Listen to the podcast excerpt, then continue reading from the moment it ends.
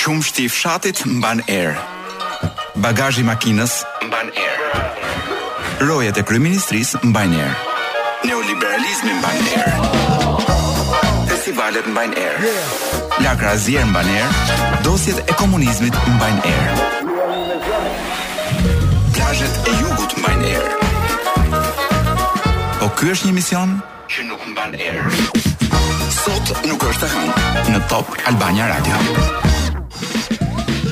Dhe në qoftë se ka parajsë Dhe në qoftë se radioja qenka zyrtare, pra radio zyrtare e asaj parajse Kam frikë se ky emision nuk shkon dot më larg se purgatori përsa i përket pozicionit gjeografik brenda asaj bote Jetojmë në kohëra shumë të vështira, jetojmë kohëra përmbytjesh dhe është pak e vështirë të marrësh lehtshëm gjërat kur kemi çerekun e vendit të përmbytur njerëz që lundrojnë, ë lundrojnë kuptimin e mirëfilltë të fjalës, pra lëvizin me lundra, ë nga shtëpia në shtëpi, ë me kafshë, me ku di unë me të mbjella, me gjëra të përmbytura, ë me njerëz të vdekur dhe dëgjova Entuziazmin e qeverisë që jemi shumë mirë, sepse po të mos ishim ne kaq të mirë, mund të kishte edhe më keq. Ë dhe më thoni pak nëse e gjithë kjo nuk ju mban erë edhe juve. Pra është një natë e vështirë ë për të diskutuar gjëra gazmore për vetë faktin që jemi e, një vend i dënuar, jemi si një biçim purgatori, e, kemi edhe njerëz që na ruajnë nga ata me sfurqe edhe me veshë të gjata ë kryesisht dalin nëpër televizor edhe mbajnë deklarata për shtyp. Ë gjatë fundjavës megjithatë përveç gjërave të rënda që janë ku di unë përmbytje të tjera të tjera, ka ndodhur diçka simpatike, një nga gjyshërit e rokut ka qenë për koncert në Tiranë, ë për shkak edhe të shirave, për shkak edhe ku di unë të lodhjes, për shkak edhe të faktit që ë, po themi fansat e rokut janë në përgjithësi të gjithë të sëmurë me hernie, ku di unë mezi ngrihen nga krevati, domethënë janë në prag pensioni. Ishin vetëm 500 vetë, por që përpiqeshin të të ulërisnin sikur ishin nja 3000 vetë. Udo Dirkschneider, 70 vjeç, që nga emri duket që është domethënë që është një nga njerëzit më të rëndësishëm ta. Unë nuk kam nuk kam dëgjuar ndonjëherë ndonjë emër më më rock sesa ky. Udo Dirkschneider, Ishte edhe në Tiranë. Në një koncert gati 2 orë e nja 10 minuta mos gabohem. Ë në këmbë gjithë kohën gjyshi. Ë edhe me një zë që çante, domethënë edhe ato muret e asaj salle që nuk është bërë për koncert, në fakt është bërë për boks. Po ja që njeriu nganjëherë toleron ta dëgjojë muzikën që pëlqen edhe në kushte të vështira. Dhe meqenëse kuvendi i Shqipërisë mban erë si shumë gjëra, që janë institucione shtetërore. Do t'ju japim dhe lajme me erë që janë lajme të javës kaluar. Çfarë ka ndodhur përveç panairit librit në të cilin do ndalemi pak më vonë, pak më gjatë për të thënë 10 arsye pse duhet ta quajmë sukses panairin e librit për këtë vit. Atëherë çfarë kemi? Kemi këtë motin e keq dhe përmbytjet, ë po unë do ta quaj lajm gazmor, një titull nuk pata kurajo ta lexoja lajmin brenda që thoshte moti i keq dhe përmbytje, Peleshi zbret në terren. Domethënë në momentin që Niko Sfungjeri pantallon Peleshi zbret në terren për të thithur rrebeshin e zotave. Dhe për të shpëtuar gjithë Shqipërinë nga këto gjëma që dërgon Zeusi. Kështu që në momentin që Peleshi zbret në terren, unë e bëj gjumin e qetë. Çfarë kemi tjetër? Po një batutë kuvendi Ulsi, vetëm dy mushka kanë mbetur pa u punësuar në fshatin tënd, i paska thënë Berisha Ulsi Manjës besoj. Ë, dhe ato dy mushka me siguri janë konsideruar ë nga nga patronazhistët e fshatit të Ulsiut, do jenë konsideruar si mushka të opozitës, prandaj i kanë lënë pa punë. Dhe mos u habisni nëse shikoni këto mushkat e fshatit të Ulsiut duke ikur në Angli me gomone. Jo se shqiptarët tanë atje në shtëpitë e barit kanë nevojë për për mushka për të kryer ato detyra që kanë marrë përsipër për ekonominë angleze por nuk mund t'ia prishin Ulsiut. Pra mund t'ia marrin mushkat, t'ia heqin domethënë, pra t'i heqin të gjithë opozitarët nga ky vend, t'i çojmë të gjithë me gomone. Kjo është filozofia. Ndërkohë që kryeministri paska thënë që brenda mandatit nga këto shashkat e e, e përhershme do ta çojmë në 100% rritjen e pagave për mjekët se si e qysh e tjera e tjera nuk ka pikë rëndësi, rëndësi ka që ta thotë pra që të të regjistrohet aty në në mendjet e njerëzve që diçka po rritet me 100% pagat e dikujt. Po ndërkohë që ky zotria kryeministër fliste për rritjen e pagave të mjekëve, në QSUT u mor vesh që nuk ishte më asnjë pneumolog. Mjekja e vetme emigroi në Gjermani thotë Domethënë, ndjehej shumë e vetmuar. Ky është lajmi para 5 ditëve. Pra në QSUT që është qendra më e madhe spitalore, ë nuk ka më një mjek pneumolog. Do të shkojmë edhe ne në Maqedoni ku shkojmë marrim benzinën, ku diun, ku shkojmë bëjmë ski, do shkojmë të marrim edhe kujdesin e parë ë për mushkëritë. Çfarë kemi tjetër? Shtatë organizata ndërkombëtare gazetarësh kanë takuar Ramën. Pata fatin ta takoj edhe vetë njërin nga këta. Dhe më konfirmoi fjalinë që e thotë dhe titulli i këtij lajmit, na sulmoi për çdo gjë. Mirë që s'na gjuajti me ndonjë gjë, tha. Mirë që s'na goditi me ndonjë taketuke. Ë në të vërtetë, pavarësisht që kryeministri bërtet shumë, po ky ishte takim i tipit, këta ishin Power Rangers, kurse kryeministri në këtë rast ishte Gogoli prej Teneqeje.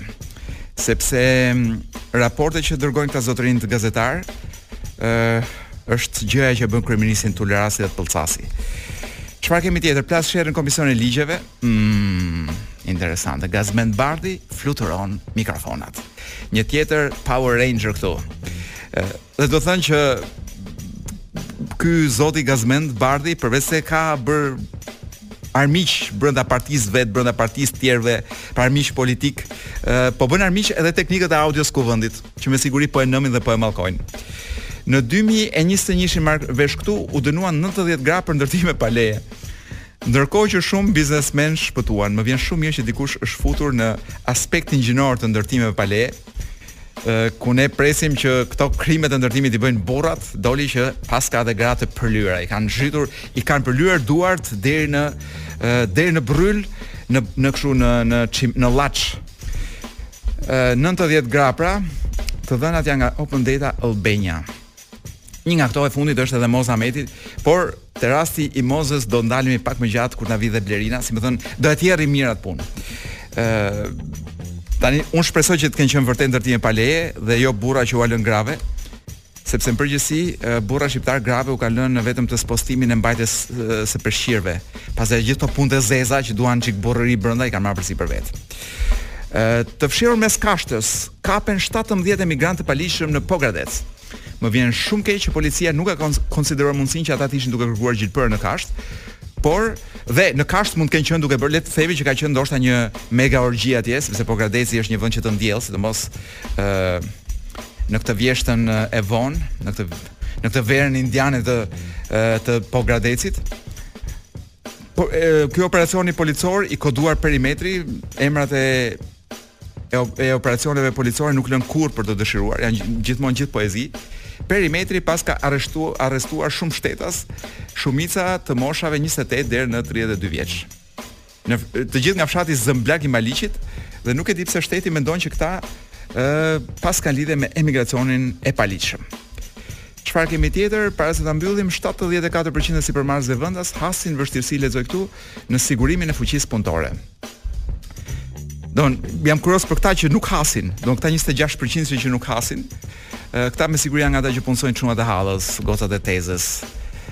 Ose punojnë në gjashtë role vetë, domethënë. Prandaj gjërat shkojnë aq mirë në këtë vend. Ë njerëzit, domethënë është më mirë ë të shkosh me gomone në shtëpitë e barit se sa të jeto, se sa të punosh me këta 74% të sipërmarrësve. Që për të thënë të drejtën, shpesh herë janë të nxjerrin edhe shpirtin. Ë ndërkohë që e mbyllëm me lajmet e javës së kaluar, lajmet nga bota do t'i shohim në orën e dytë të emisionit. Partia e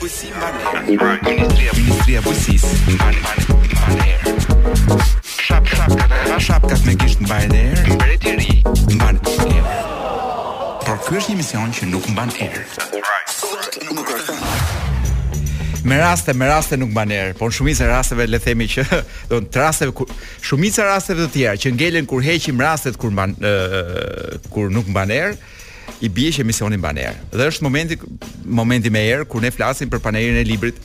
Unë megjithatë do t'ju pavarësisht se kisha ca mllefe të mia në përgjithësi me ca gjëra të panairit.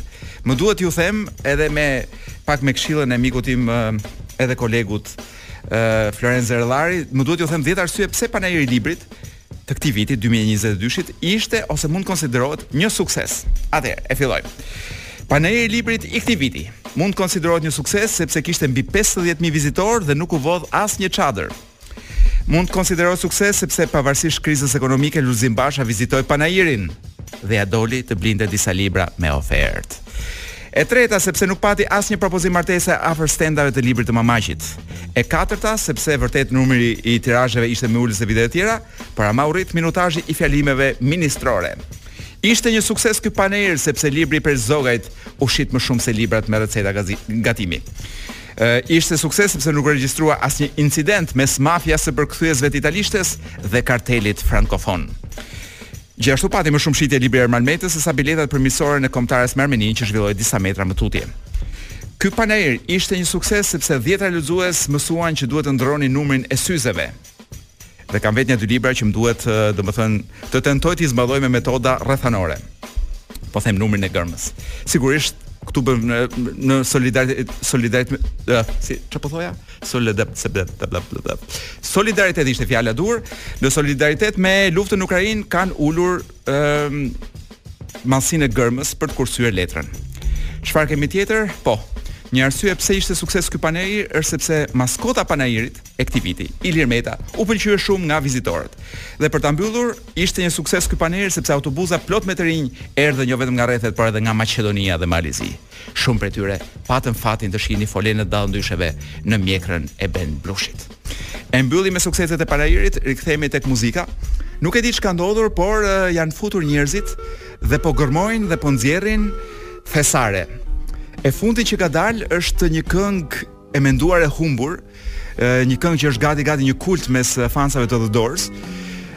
Një këngë e shkruar ku di unë në vitet 70, 60 ndoshta. Paris Blues e kanë gjetur, e kanë marrë, e kanë punuar, ai që e mbante në shpi, më duket se bateristi i grupit The Doors, ia kish lënë çunit i cili ia kish prishur se kish regjistruar ca gjëra sipër, po s'e njifka. E kanë marrë, e kanë ribërë dhe ja ku është. The Doors, Paris Blues në Top Albania Radio. Well, I wish I was. Sot nuk është e hënë dhe është pikërisht momenti që të flasim për libra. Ë bëra një xhiro shumë të shpejtë në panairin e librit, ë për arsye personale. Ë dhe për arsye personale ishte shumë e shpejtë, domethënë, jo jo se ishte vizita. Dhe nga tufa e librave zgjodha një për ta për këtë të hënë, për ta lexuar, dhe është libri i fundit i Fatos Kongolit, Misteri i Mjellmës, e kam në duar, botime Toena. ë dhe kushton 900 lekë, unë besoj që është nëpër librari edhe për ju që ndoshta nuk e keni hasur në panair. Arsyeja pse zgjodha Kongolin, një libër që unë nuk e kam lexuar ë akoma, është fakti që është për mua një nga shkrimtarët më të mirë të gjallë që kemi, edhe ndoshta një nga më të neglizhuarit. Është kalorës i letrave, Më duket, prit ta shoh, duhet ta ketë diku këtu. Ë, më duket se është kalorës, po. Jo, është kalorës i Legjionit të Nderit në Francë, pra i nderuar nga presidenti i Francës. Ë, dhe libri i tij titullohet Misteri i Mjellmës. Unë po lexoj që nga faqja e parë sepse mendoj që një libër ta jep atë tonalitetin e vet që në faqen e parë. Dikush trokiti lehtë në derë. Vetvetiu, inspektori Nevil Bardhi, një burr i ri rreth të 30-tave, thirri hyr në pritje që dera të hapej. Mirëpo dera nuk u hap. Pas pak trokitja u përsërit kësaj herë disi më fort. Çka e bëri të mendonte se dikushi s'kishte dëgjuar gjë. Për arsye sigurie, siç e kërkonin rregullat, dera e zyrës së tij, si shumica e dyerve të tjera të zyrave të asaj godine trekatëshe, një vilë e stilit të vjetër, dikur pronë e një ish-oficeri të lartë të ushtrisë mbretërore me çati gotike, ndërtuar qysh para luftës së dytë botërore të shekullit të kaluar, ishte e veshur nga brenda me një shtresë speciale, që edhe nëse vije veshin prapa saj, të mos dëgjoje asgjë ç'bëhej aty. Ky modifikim i dyerve kishte ndodhur rreth 20 vjet të shkuar, kur në mjediset e godinës me destinacione nga më të ndryshmet në kohëra të ndryshme, ishte vendosur përfundimisht ajo që njihej si drejtoria e përgjithshme e krimeve të rënda.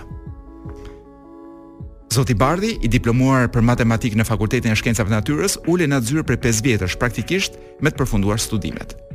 Ky fakt, domethënë diplomimi në një shkencë si matematika, në përputhje me një traditë shumëvjeçare të institucionit, kishte luajtur një rol jo të vogël që qysh kur ishte student, ai të projektohej nga përzgjedhësit e zyrës së personelit si një kandidat i mundshëm për t'u rekrutuar.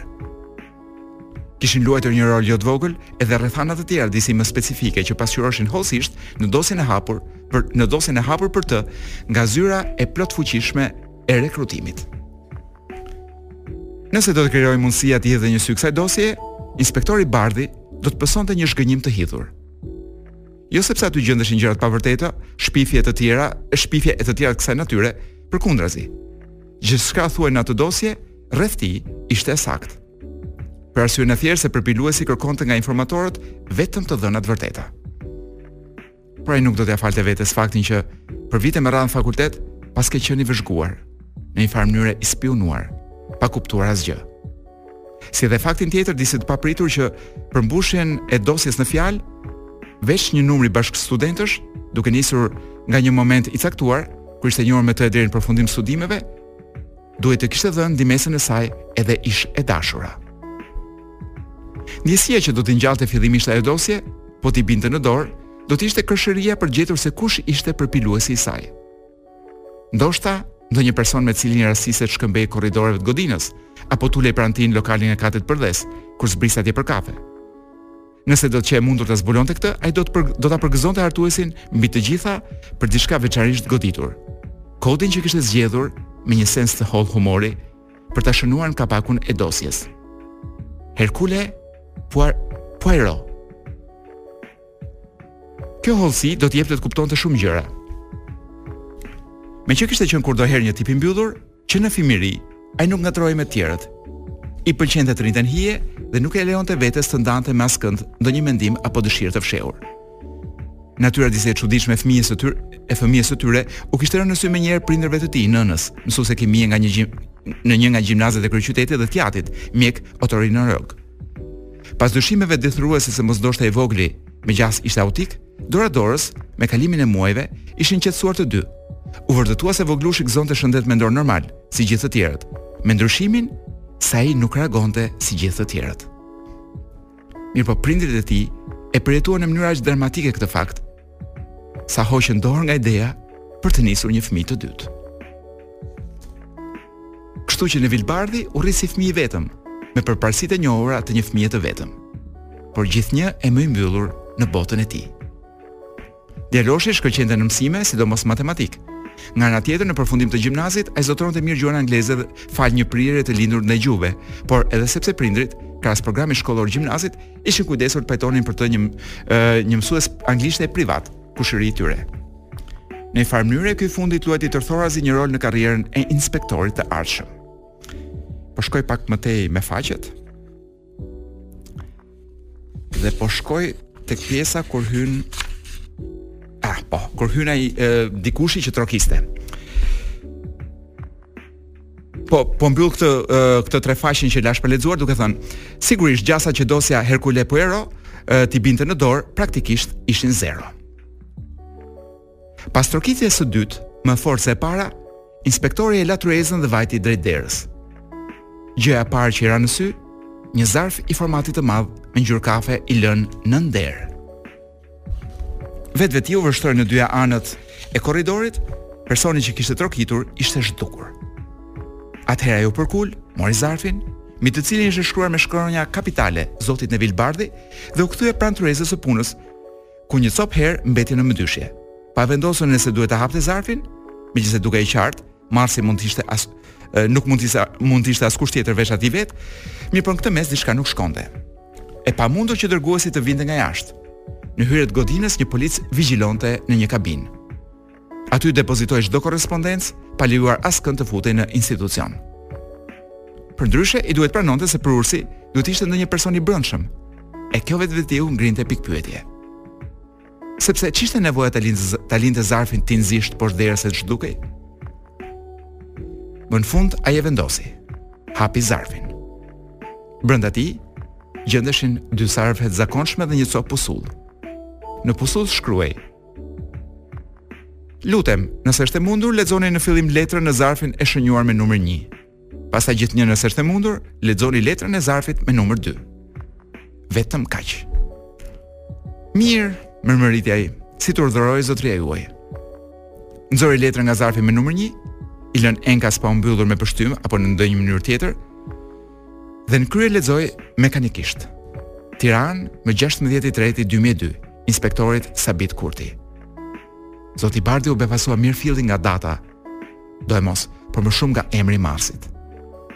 Gjithsesi vuri re se letra nuk ishte origjinale, dërguesi i kishte kishte parapëlqyer ta mbante këtë të fundit për vete dhe kishte nisur një fotokopje. Kjo nuk e pengoi zotin Bardhi të vërente se origjinali ishte shkruar jo me stilolaps, por me stilograf. Praktikë gjithnjë më e rrallë. Një shkrim të rregullt, të qartë, mund të quhej edhe i bukur. Dhe vijon letra. I nderuar zotri. Në krye dëshiroj t'ju rrëfej një të vërtetë. Për arsye që do të ishin të kuptueshme nga ana juaj, fillimisht më ngacmoi ideja të mos paraqitem se kush jam, qoftë edhe me ndonjë emër të rrem. As t'i firmos këto radhë. Në këtë rast letra do të quhej anonime, çka nuk më nderon. Nuk është as në natyrën e as në karakterin tim. Kështu që siç do ta shihni e hodha poshtë uh, këtë ide dhe identitetin tim dhe identitetin tim do t'jua zbuloj dora-dorës. Më lejoni tani të hyj në temë, t'ju shpjegoj arsyen, më saktë arsyet përse vendosa ta shkruaj këtë letër. Dhe përse t'jua dërgoj pikërisht juve? Po e nis nga e dyta. Ju zoti Kurti, në sytë e mi jeni një person me integritet sipas meje, pa dashur t'ul vlerat e të tjerëve, personi më me integritet në institucionin ku punoni. Ndërsa arsyet që po ju shkruaj janë të shumta, lidhen me një dyshim të vjetër timin Po unë duhet ta mbyll këtu sepse Kloi do fusë një këngë. Pra ky është libri i Fatos Kongolit Misteri i Mjellmës, dikush troket në derën, është libër policesk, domethënë ka nota. Kongoli ka disa libra ku ka nga një inspektor dhe i ka të gjithë shumë interesantë. Ë do ta vazhdojmë ta lexojmë javën e kaluar.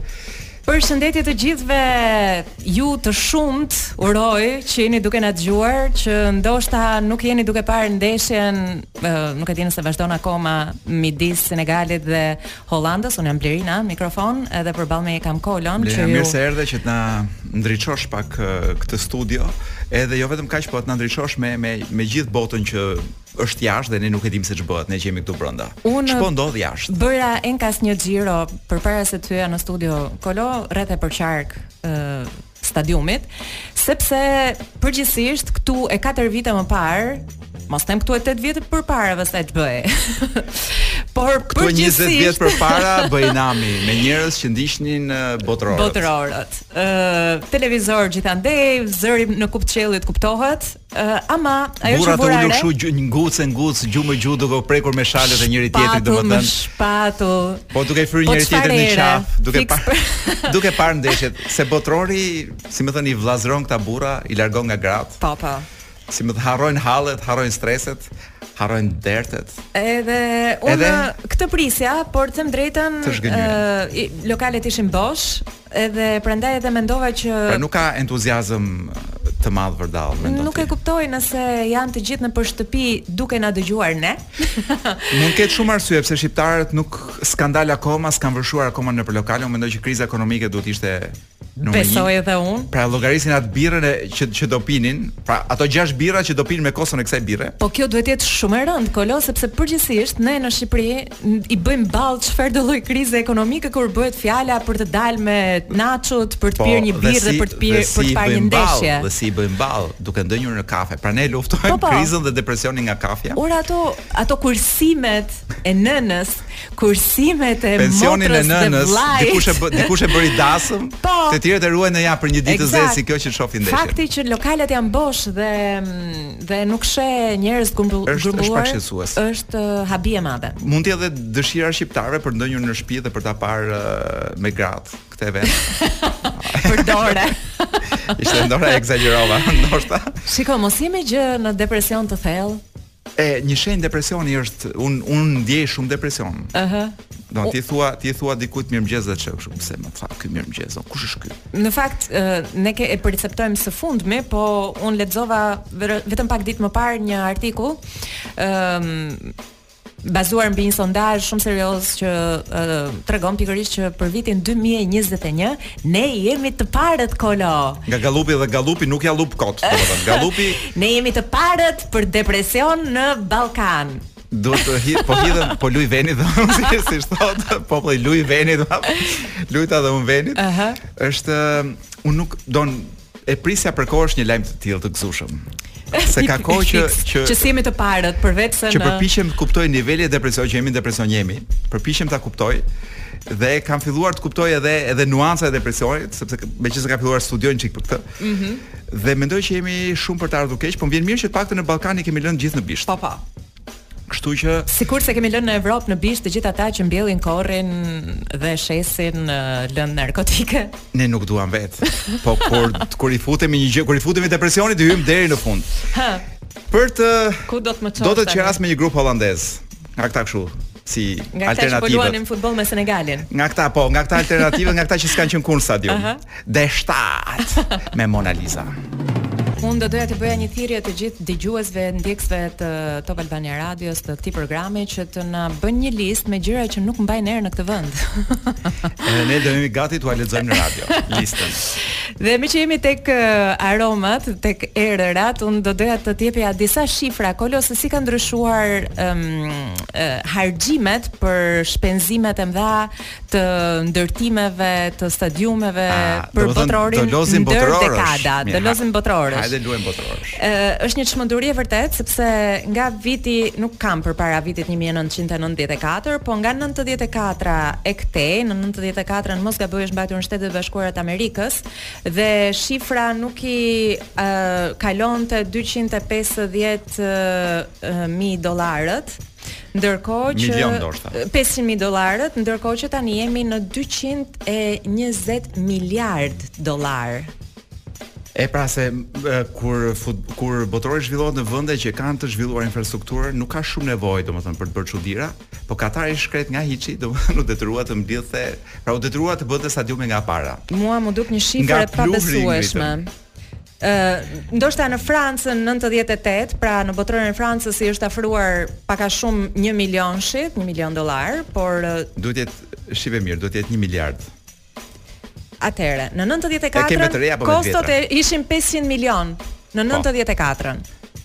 Më fal, Dollar. ça thash një do, një, mil, një miliard, më fal, po. Kurse tani jemi në 230 miliard, Po, pra, po. 230. Sepse Katari, siç thamë, domethënë ë, nuk ka ku t'i çojë lekët. Dhe një shifër tjetër e tmerrshme, ë, kjo në fakt mbetet ë, deri diku për t'u vërtetuar, megjithëse ka qenë një artikull i një të përditshme britanike që e ka nxjerr si shifër dhe si hulumtim, është shifra e 6500 punëtorëve që gjatë vitit 2021 mendohet të kenë vdekur um, si shkak i ndërtimit të stadiumeve të këtij botërori po në Katar. Kanë, kanë më kurban ata vetëm që vetëm që në për të ruajtur dhitë dhe deshtë dhe ku di unë. E kanë më kollaj me nepalezë. Tani edhe më vjen shumë keq se ne ishim nisur për të për të për të për të sjell, për të prur. Mhm. Mm po na i hëngri, na i hëngri Katari nepalezët. Na shkatërruan ekonominë. Këta ishin ata që do ndërtonin portin e Durrësit. Po pra, po. Oh, e morë vesh atë të portit të Durrësit, ishte jo, shumë e bukur. Ëh, E ke parasysh Eagle Hills, që është kompania e Muhamed El Alabar? Po, po, po Muhamed Veliu siç e njohim ne domethënë këtu. Po. po. Jo, nuk është ai, është një tjetër. është kompania që do të ndërtojë portin turistik të Durrësit dhe që me shumë nxitim kryeministri rendi ta kumtoi në Twitter e ciceroi me vrap të madh që e njëjta kompani do të bënte edhe një ndërtim tjetër, pra i është komisionuar dhe një punë tjetër shumë e rëndësishme në vendin fqinj në Kroaci. Por të nesërmen u desh ta përgënjeshtronte këtë lajm. Të përgënjeshtronte veten sepse gjithë gjërat ishin ishte ngatërruar si me thën emër për emër. Kështu që po, do të kishte po, mjaftuar një Nuk është kompania që kompania që do na ndërtojë porthin e Durrësit. Porthin e Durrësit, po, dhe jo vetëm kaq, por siç thotë edhe vet kryeministri, një fact checking i shpejt do të kishte mjaftuar që ky kjo gafë të mos bëhej. Por Por ju jeni kaq të lodhur sa unë jam i detyruar ta bëj fact checking vet. Se ja ju jeni Ja kush janë maskarenjtë e këtij jo, vendi. Jo, më pëlqeu shumë fjalia e fundit. Por kush s'është gënjeshtar ça ha aty ti poshtë uh, tavolinës? Jo, un, un po i heq, uh, un po gris ca letra, se kështu bëj kur jam në depresion, po gris letra si gjithë shqiptarët. Por thot kush s'është gënjeshtar as bën sikur s'ka gjë, as nuk justifikohet, por kërkon falje. Po, kërkoni falje aty te vizori. Pra puna është t'i themi kryeministrit dakord kërkove falje për një nga ata nga ata 100 të fundit ë uh, mesazhe propagande, po për të tjera që s'ke kërkuar çfarë i bie atje Nuk janë të vërteta të gjitha të tjerat. Më lejo të them në këtë frymë që uh -huh. ku na fute, ë uh -huh. uh, më lejo të them që kësaj thagme të uh -huh. kryeministrit ja kalon vetëm kjo e këtij Infantinos, që është shefi i FIFA-s. Ja, ta gjej kurse. Kalon nam, ë, kalon nam Gianni Infantino. Mbajti, mbajti një fjalim shumë të gjatë, ndër të cilat ë uh, Pak a shumë gjëra që po thoshte ishin këto që un jam e filloi kështu, un jam Katar, un jam Katars. Po. Si më fal si thon këta banorëve Katar. Katarioti thon italisht, nuk e di si i themi në shqip. Edhe ne ashtu. Pra un jam Katarsis. un jam uh, un jam arab, un jam afrikan, un jam gay, un jam grua, un jam uh, i domethënë i penguar. Ë dhe mbasi i tha gjithë ato gjëra, tha e thoshte të ndihesh prapë. Jo, sigurisht që unë s'jam kështu, s'jam kështu, s'jam. kështu." Dhe ishte një fjalim që gjithë i la, ua ngriti gjithëve leshrat përpjetë. Po pse e bëri të gjithë këtë? Po tentoi të thoshte që juve s'keni gojë me fol për këta të Katarit. Ah, Domethënë juve po, juve që mbysni emigrantët në dete ku di un kanë vdekur kaq emigrantë që s'vin dot në Europë dhe juve si mund të flisni për këta që kanë vdekur në Katar etj shiko, etj. mua më pëlqen ë, që Është pak a tashmë shumë si kryeministri jonë që i del zot patronazhistëve dhe ku di un gjithë gjëra që s'mund të po, dalësh pra, zot, po, po. Po, më pëlqen të gjithë varen nga ai. Miksimi i politikës me sportin, me artin, me të gjitha fushat e jetës. Pra, ë? Është shumë e vërtetë ndeshja e fundit që u bë e fundit, jo e fundit, po një nga ndeshjet e, e sotme. Mhm. Mm ndeshja e, e drekës mos gaboj. Mm -hmm. ndërmjet Britanisë edhe ndërmjet Anglisë edhe Iranit që përfundoi nja 6 me 2. Ishte një ndeshje totalisht politike sepse një pjesë e madhe e iranianëve që kishin vajtur në stadium, uh -huh. kishin vajtur për protestë. Uh -huh. pra nuk kishin vajtur dhe të gjithë donin që kombëtarja të mos fitonte. Mos kishin hyrë me ato uh, kartat e identitetit tona gjë në stadium. Po- Pegjë Blerina Sheuat. Koloreto Cukali. Nuk nuk nuk do habitesha që ne të jemi të gjithë ndërkohë në në Katar duke ndekur ndjekur ndeshjen sepse avatarët tanë.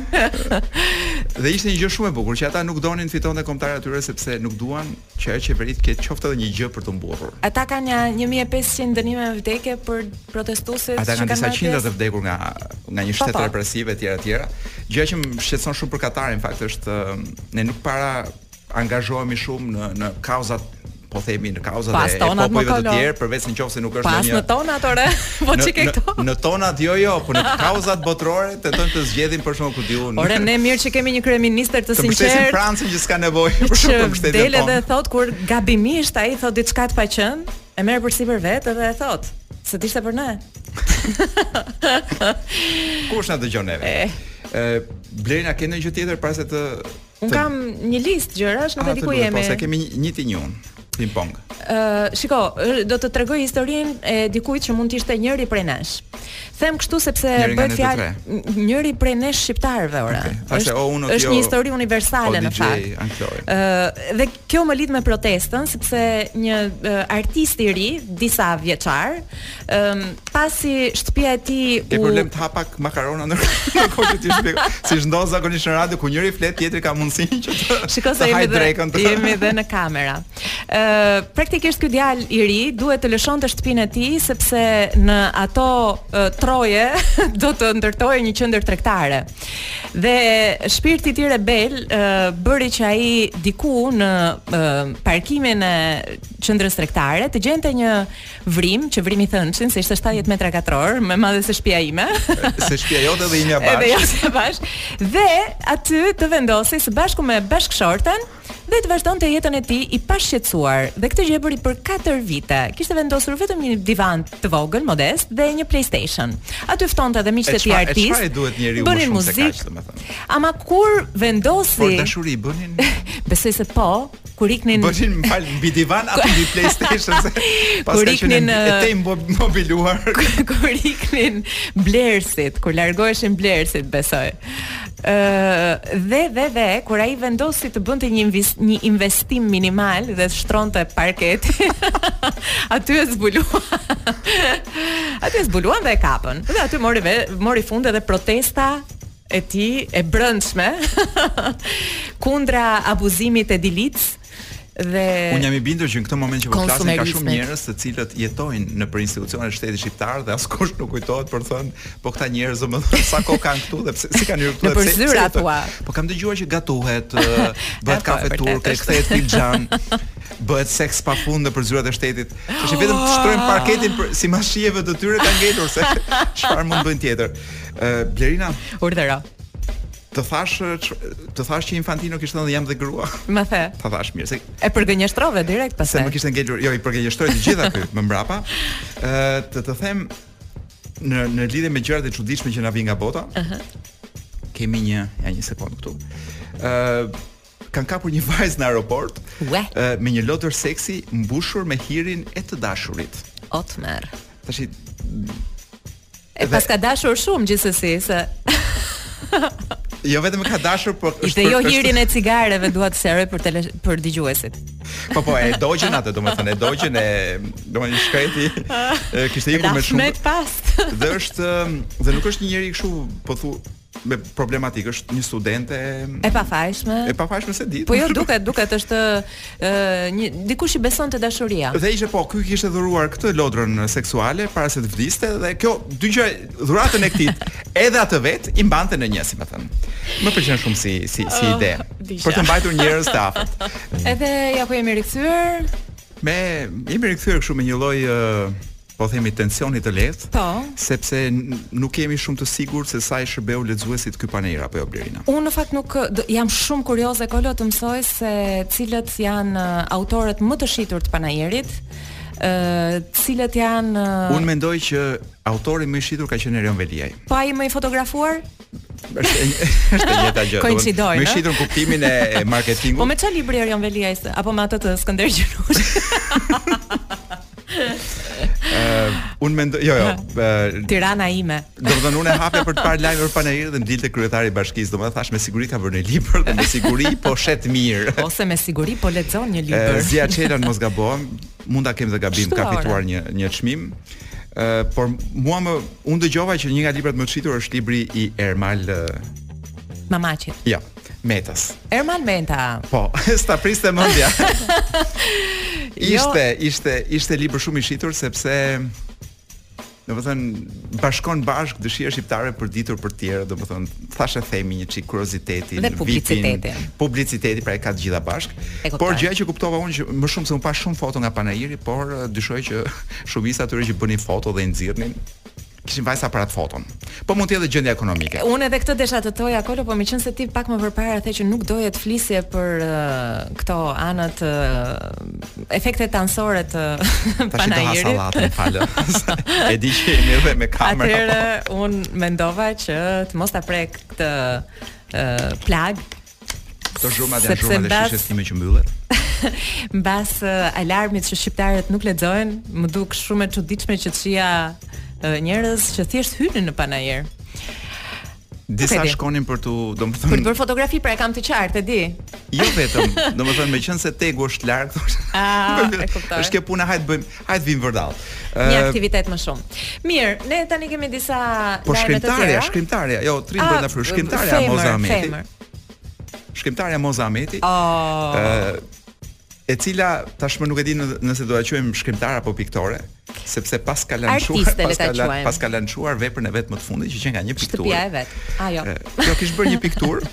Apo ajo është një nga kryeveprat e saj, shtëpia e vet në Petrelë. Arkitekte, mund ta quajmë. Në Petrelë e kishte? Po.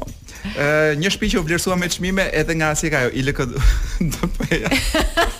me çmimin e parë për të prishur dhe jo vetëm ka gjykata vendosi që t'i kthejë disa çmime të mohuara që ishin 40 çmime. Ah, jam 40 ditë shërbim në komunitet. Tani unë këtu jam pak i paqartë dhe më ilumino ti. Këto 40 ditët unë e paramendoj që Punë vullnetare si boku. unë nuk e di, domethënë, pse uh, u janë qepur artistëve, shkrimtarëve, këngëtarëve. Për t'i riedukuar, po. Po, ndërkohë që mua më duket shumë e qartë, mjafton të bësh një xhiro nëpër Tiranë dhe më duket mjaft e qartë se ku duhet të shkoni. Ku duhet ndërhyrë me punë vullnetare. Që dhe të dhe të mblidhni ndonjë lek, domethënë, jo thjesht të mblidhni punë vullnetare po edhe mblidhni ndonjë lek. Dhe nëse ju duhen intelektualë që le të themi të formojnë dhe të edukojnë popullin, mos e bëni në këtë mënyrë. Kërkojuani si kundrejt pagesës, nuk e di, mos i detyroni njerëzit me punë vullnetare sepse s'ju ka mbetur më askush për t'ju dhënë mend, domethënë. Dhe Moza Ahmeti kishte thënë që unë punë vullnetare dhe kam idenë që Moza nuk e kupton mirë punën vullnetare se çfarë. Moza Ahmeti ka thënë. Unë Nuk i kam parë lajmet nëpër portale, por më thanë që ishte shprehur si një gjë e madhe, një dënim. Në fakt, kam për të dhënë disa leksione publike. Po pra, mo, ndoshta kanë, shiko, ata mund të kenë dhe frikë të thonë Mozës të vërtetën, a gjykata të ka dënuar. dhe ja, ja thonë si me stil që Moza, ke problem të japësh një 40 leksione? Unë mendoj që Moza Ahmeti duhet të paguhet për leksionet që do t'jap. Qofshin këto dhe thjesht leksione jete. Jo, jo leksione letërsie, poezie etj etj. Dhe për më tepër, nëse Moza Ahmetit pas vdekjes do t'i bëjmë ndonjëherë ndonjë monument. Mm -hmm. Le t'mos i bëjmë monumente dhe le t'i lëmë të mbajë shpinë në Petrel. Jam dakord. Pra, mund të gjejmë një rrugë të mesme, po ndërkohë që vijmë nga një nga një periudhë që para sa vitesh vrisnin veten njerëzit se do të futeshin burg se kishin lidhur telin e, e dritave. Po. Ë ose s'kishin po, po, paguar kamatën e dritave. Tani kemi kaluar te artistët të paktën në nivelin e një tek ndërtesat me 10 kate, të cilat do kalojnë me kështu me qortime i kapje faqesh, po pse mo xhaxh? Domethënë, dhe mes këtyre, pra po, mes këtyre që vrasin veten dhe këtyre me me me me 50 katshe, Kemi edhe këtë kategorinë që na shkakton humor që është Moza, e cila ndër të tjera kishte thënë që unë shtëpi dua ta rindërtoj për ta bër për ta bër Po, po, shkollë. Një, një shkollë. po, po ndoshta shkollë, ndoshta shkollë pikture. Nuk më intereson të bëj çfarë të doj Moza me shtëpinë e saj. Unë them që përpara se të mbrim tek Moza, vërtet, vërtet, domethënë mos bëni kaq shumë shaka me. Të rrim tek puna. Tek puna. puna vullnetare e Mozës. Mm -hmm. Puna është një problem shumë i madh dhe kryeministri ka thënë një gjë që mua më ka prekur personalisht. Dikur ka kohë që ka thënë, ka disa vjet. Mos i shiko gunën, po shikoji punën. Ka thënë ka punë, po s'ka profesionist. Aha, po. Ë, thell thell diçka ka pasur brenda saj. Ajo është një plagjiaturë si frazë, ti e di. Që ka thënë Blendi Çuçi. Kryeministri. Unë kujtova që ky vjedh vetëm nga Dalina Fico. Do jo. batuta, po i vjedh ka t'i vjedhësh Blendi Çuçi, do shkosh dhe të vjedhësh Blendi Çuçi, që është si më thën me atë rrog jeton. E problemi është me kohë të teknologjisë. T'i vjedhësh dhe ide Blendi Çuçit po. është është do thosha krim intelektual. Kemi një problem dhe me të drejtat e autorit, kështu që Por me ligjin në Shqipëri. Ka diçka të vërtetë njerëzit që nuk e duan më, jo se nuk duan të punojnë, por njerëzit kanë kuptuar dhe ky është dhe po lexoja një studim që më rrëqethi. Mm -hmm. që është studim global dhe flet që njerëzit në rang global nuk e duan më punën. Jo, mendoj nuk nuk besoj që është tamam që nuk e duan më punën, me, besoj që është që nuk është e vërtet që puna përkthehet detyrimisht në mirëqenie. Pra, sa më shumë punë, aq më të mirëqenë jemi. Edhe ja ku jemi dy shembuj të gjallë të kësaj. Më fal. Ne jemi viktima të sistemit, por duhet të them që shqiptarët kanë qenë në ballë të progresit gjithmonë dhe kanë kuptuar të parët që puna nuk të jep asgjë. Dhe prandaj janë dhe kafenet plot. Mos fol ashtu volo. Dhe prandaj ka njerëz që për shembull që njerëz që dërgojnë një anëtar të familjes në Angli. dhe mban dhe mban 20 dhe mban 23 vetë këtu domethën dhe i mban jo vetëm me kafe, po edhe me makina dhe me tjera të tjera. Ti gjo kolo, po të ishte ashtu ne nuk do të kishim shprehje të tilla si uh, punën e sotme mos e lër për nesër. Do ta kishim punën e sotme lëre për pas nesër. Nuk do kishim fjalë të tjera të tilla si uh, puna e zbukuron njeriu. Do kishim fjalë të tipit puna e shëmton njeriu. Blerina, nuk të duket që gjithë këto fjalë të urta vijnë në një vend ku askush se do punën dhe tentojnë ta ta bullizojnë me gjitha format, po do shëmtohesh më po punon një çik. Po mos e lër për nesër do hash dru e të tjera të tjera. Edhe ja ku jemi rikthyer edhe për një dorë tjetër lajme shumë interesante. Ë mbeti diçka pa thënë për nga panairi i librit. Po, më ngelën shumë gjëra pa thënë. Po më thuaj të paktën kush ishte autorja femër më e lexuar, më e shitur. Kush foli për femra aty? Do nuk nuk dëgjohet flitet për femra, pa ama libri që kemi lexuar në në radio pra. fitoi një çmim ë uh, fitoi për jo përkthimin. Më duket se përkthimin e vitit. Nuk kujtohet. Po autorja që kemi lexuar në radio okay. para dy herësh fitoi një çmim shumë të mirë, që nuk i shkon asaj sigurisht i shkon shtëpisë botuese edhe. Po. Edhe Ishte libri më i mirë i huaj, më duket. Okej, okay, në rregull. Qoftë se këto detajet kanë një çikë rëndësi. Le të themi që i vendosëm pikat mbi i. Apo jo. I vendosëm mbi tani dua të lexoj një gjë shumë të rëndësishme mm -hmm. që trendet në TikTok pa. Po. janë do janë gjëra që të, nuk duhet të bëni në shtëpitë tuaja. Jo vetëm kaq, po janë gjëja më më e ndryshueshme, pra ndryshojnë shumë shpejt. Çdo javë çdo javë sjell trende të reja uh -huh. dhe ka njerëz të cilët përpiqen të shpikin trende, pra jetojnë për të shpikur trende. Dhe cili është më i fundit do thoni ju të dashur miq? është vendosja e leukoplasteve në fytyrë me një qëllim të caktuar, ama se mos mendoni kot që njeriu zgjohet në mëngjes edhe fillon të vë leukoplaste vend e pa vend. Jo, vendosen kryesisht në vendet ku për hir të mimikës së fytyrës. A mund, fal, a mundem që ta imagjinoj këtë trend? Po. Mbi fytyrën e Shako Hoxhës.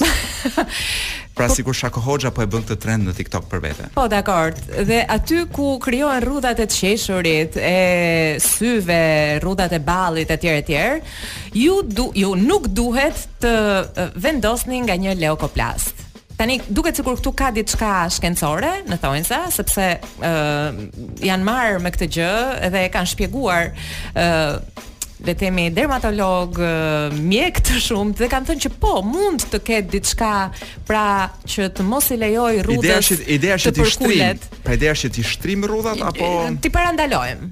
T'i parandalojmë rrudhat. Pra nëse ne ecim të gjithë me lokoplaste në për vende ku dikur mund në një të ardhme mund të dalin rrudhat. E mira do të ishte që ta bënit në shtëpi nëse i hyni.